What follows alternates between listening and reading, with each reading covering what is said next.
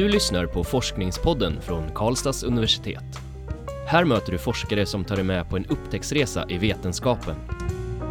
Den här podcasten görs av publiceringsstöd vid universitetsbiblioteket.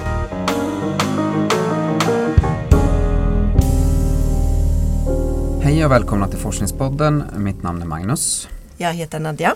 Och det här är avsnitt 23 eh, och med oss i dagens avsnitt så har vi Mona Lindqvist som nyligen försvarade sin doktorsavhandling i sociologi. Välkommen Mona! Tack!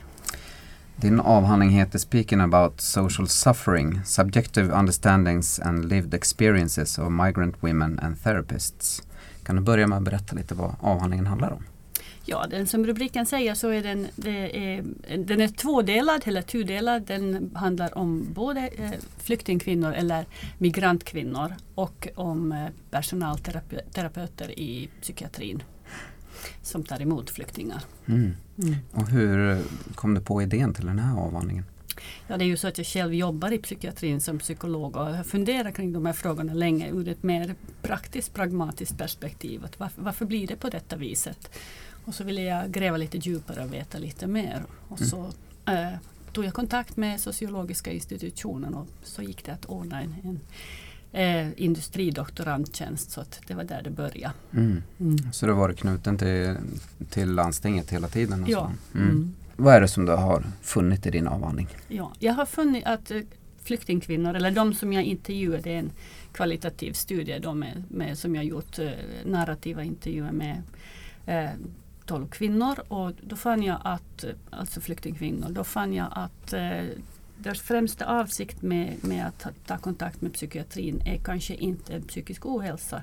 Det fanns med i bilden men det var inte hela sanningen utan det var också för en, en använda psykiatrin som en, en process i inklusion i samhället och att, att skapa ett, en tillhörighet till det svenska samhället.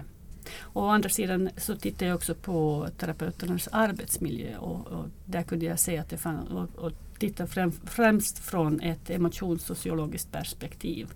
Och kunde eh, se också där att det var ett ganska tufft emotionsarbete som pågick och att, att organisationen inte alltid mötte upp de behov som eh, personalen, eh, terapeuterna hade utan att det blev ett, ett glapp där. Mm. Och så, så, ble, så, kunde jag då se att det blev såklart ett, när eh, migrantkvinnorna kom med sina behov och de överbelastade terapeuterna mötte dem så blir det ju såklart inte ett helt bra bemötande. Eller det finns inte, möjliggörs inte till ett helt bra bemötande mm. i den kontexten. Kan du berätta lite mer om just de här, det låter som ganska, jag kan tänka mig känsliga samtal och, och så, de här mötena och så. Har, har, du kunnat vara med någonting under själva mötessituationen eller har du intervjuat dem enskilt efteråt eller, eller så?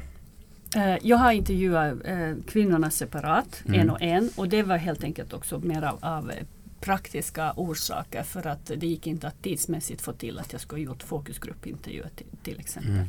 Utan då blev det en och en och också på grund av sekretessorsaker för att verkligen säkerställa. Det här är en liten ort och det finns en risk att de blir igenkända. Alla av de som jag intervjuade hade haft kontakt med psykiatrin men, men de var, eh, jag hade inte personligen haft att göra med dem i psykiatrin.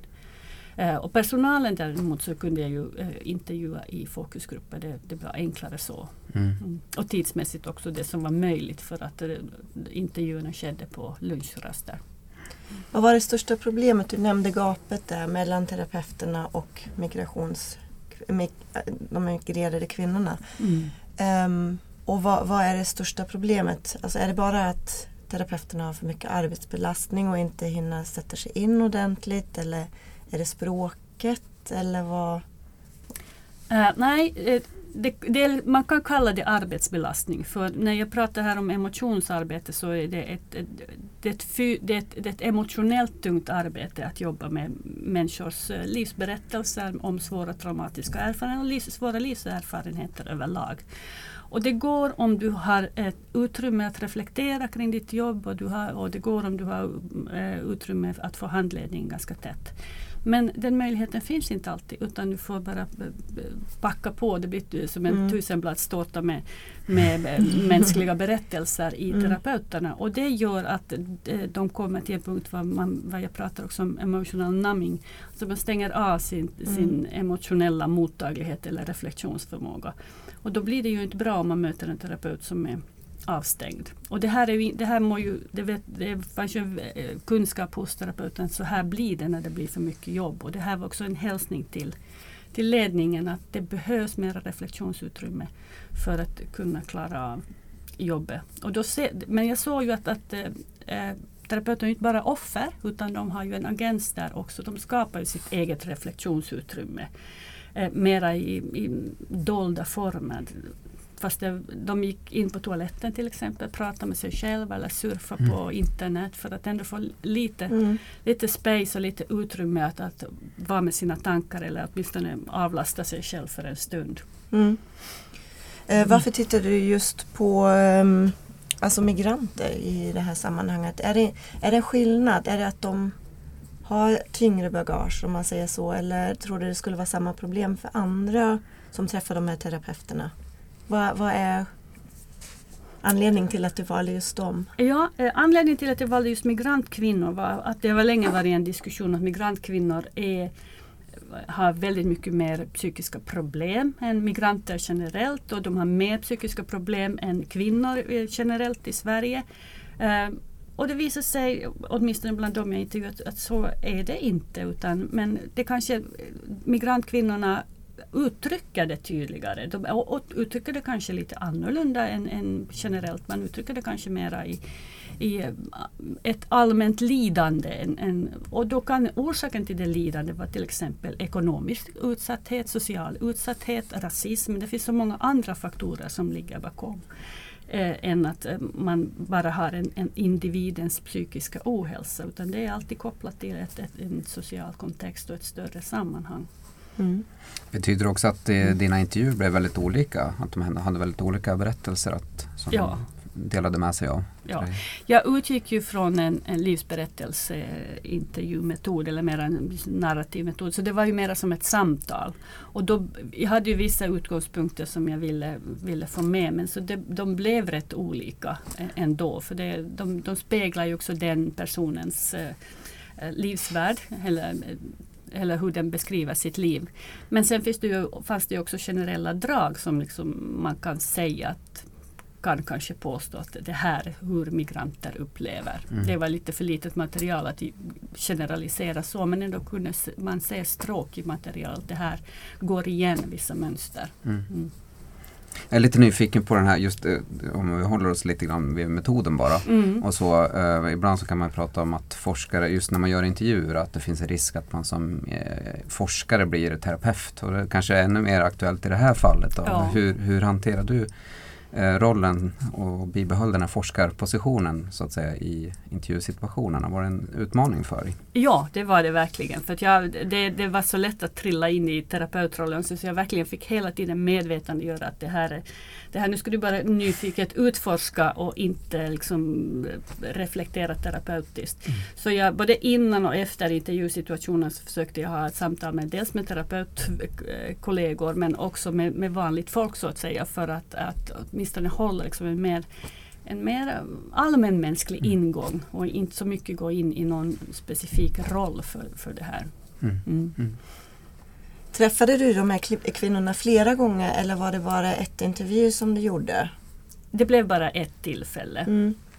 Uh, och då, men det blev ganska så intensivt och ändå det, det specifika tillfället jag träffade dem. Och var det efter, det var efter de här samtalen som de hade med terapeuterna då? Dina intervjuer? Eller var det samtidigt ungefär eller innan? Eller tänkte bara om man såg en utveckling där. Hur... Nej, det var helt lösryckt. Så det, hade inte, det var liksom tidsmässigt inte eh, på något sätt alls sammanflätat med, med terapisamtalen. Utan de kunde ha haft sin terapeutiska kontakt eh, alldeles nyligen eller kunde ha varit för ett tag sedan eller ganska länge sedan. Det, det, det var liksom inte det som var det viktiga mm. i frågeställningen.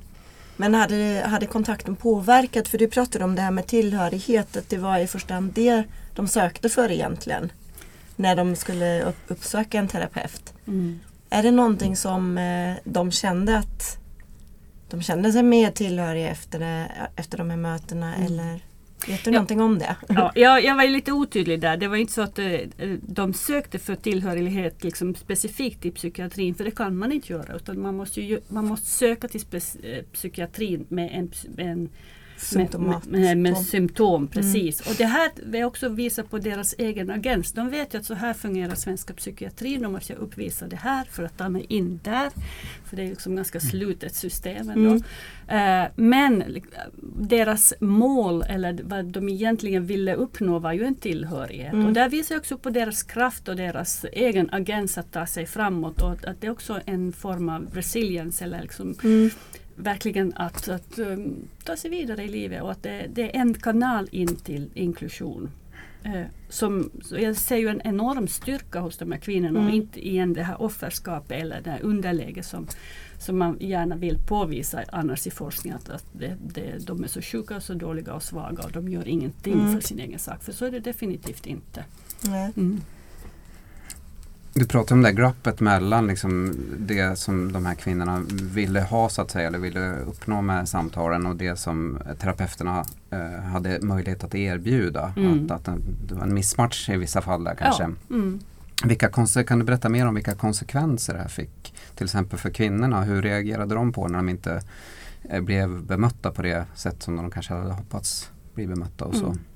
Då kom det ju fram, och där hade ju också ett emotionssociologiskt perspektiv till delar och där kom det ju fram också att förnedringen, skammen och att man kände underläge, att man blev förbannad och arg för att man, man inte blev bemött för det vad man, vad man visade upp utan man igen skulle in i någon slags uh, liten box. Men det, men det, här, det här får du visa upp, det här liksom kan vi hjälpa dig med. Så man måste också känna till uh, den, eh, den, hur man pratar i, i psykiatrin. Vilka termer du ska använda för att få hjälp och vilka ord du ska använda för att få hjälp. Och nu, visst, de, kvinnorna lärde sig ju så småningom att det är så här man, man beskriver. Jag har ångest kan man säga. Man ska inte säga att jag, jag, jag mår så jävla dåligt för att jag har inga pengar. Utan man måste använda rätt ord. Så det, men mm. men det, de, de blev i varje fall, det var en, en process där också att vara väldigt upprörd och arg men också att inse att okej okay, det, det här är liksom en mur där men jag måste ta mig förbi eller över eller under på något mm. sätt. Och så hittar de vägar. Mm. Hur, hur ska man gå vidare med den här studien tycker du? Ja, det, det, det, finns ju många uppslag här. Det finns så många så jag nästan inte... Dels så tycker jag att man ska gå vidare med att jag skulle vilja titta mer på kvinnornas livsmiljöer. Liksom, hur ser deras vardagsliv ut? Vad är liksom mm. deras möjligheter och, och, hur är deras... Mer också fokusera på deras egen agens att, att ta sig. Men sen också tänker jag på på psykiatrin som organisation. Vad, vad, finns, vad, vad är det psykiatrin egentligen jobbar med och vad ska den jobba med? Är det, är det, det, håller den på med rätt saker just mm. nu? Det är ju väldigt stora frågor men, men ändå tänker jag viktigt att, att man börjar granska det lite mer ingående. Visst nu vi pratar om de här kvinnorna och konsekvenserna av det här glappet och så. Mm. Om, du, om vi tittar på terapeuterna lite mer. Mm. Uh, du, du, nämnde de här dolda strategierna som de liksom tog. Uh, Fanns det andra konsekvenser för dem av att inte uh, liksom hinna med och ge så mycket som de kanske ville ge också.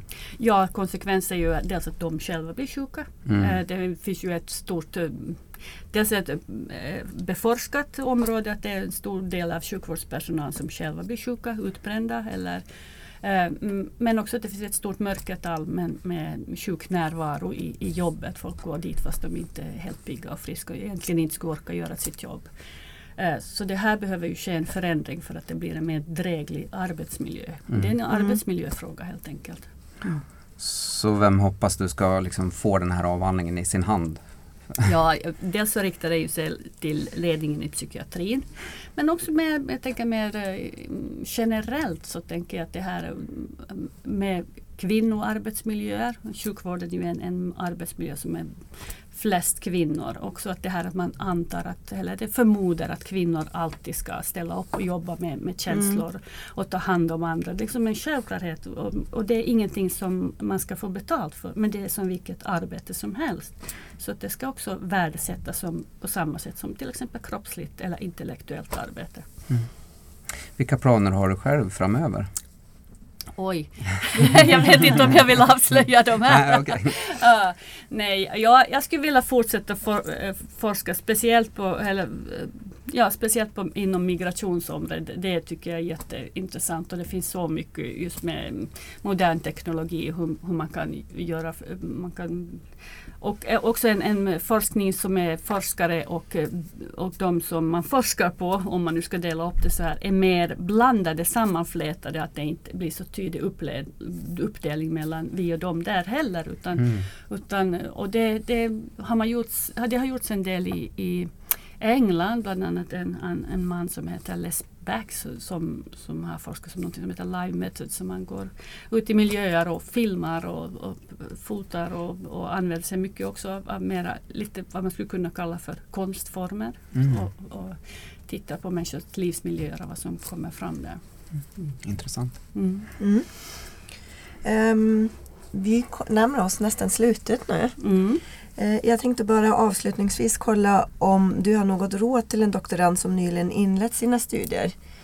Vad skulle du säga de behöver tänka på och vad, vad är det som är det bästa med att forska? Eh, det bästa med att forska är att eh, man får verkligen eh, man, får, man får gå både brett och man får gå djupt. Det, det som är roligt att man kan, man kan omfamna ett så stort område. Jag var kanske ute lite för stort inledningsvis men, men det är jättespännande för att man kan, man kan verkligen titta och vid- vrida och vända på olika saker och att använda sig av, av miljön på universitetet också tänker jag. För det finns många väldigt kloka personer där som man kan fråga och diskutera med. Så att också göra en levande miljö på universitetet och inte bara handledarna utan alla, alla andra också som man kan verkligen eh, vara i dialog med för att, Mm. att um, få idéer och tankar och komma vidare i sitt avhandlingsprojekt. Mm. Jättebra. Mm. Eh, varmt tack Mona. Tack. Det här var superspännande och vi är jätteglada att du kunde gästa Forskningspodden. Lycka till med det fortsatta arbetet. Vi Tack. kanske ses igen. och tack också till er som har lyssnat. Ni är välkomna till nästa avsnitt om några veckor. Tack. Du har lyssnat på Forskningspodden från Karlstads universitet. Den här podcasten görs av publiceringsstöd vid universitetsbiblioteket. Alla avsnitt hittar du på kau.se forskningspodden.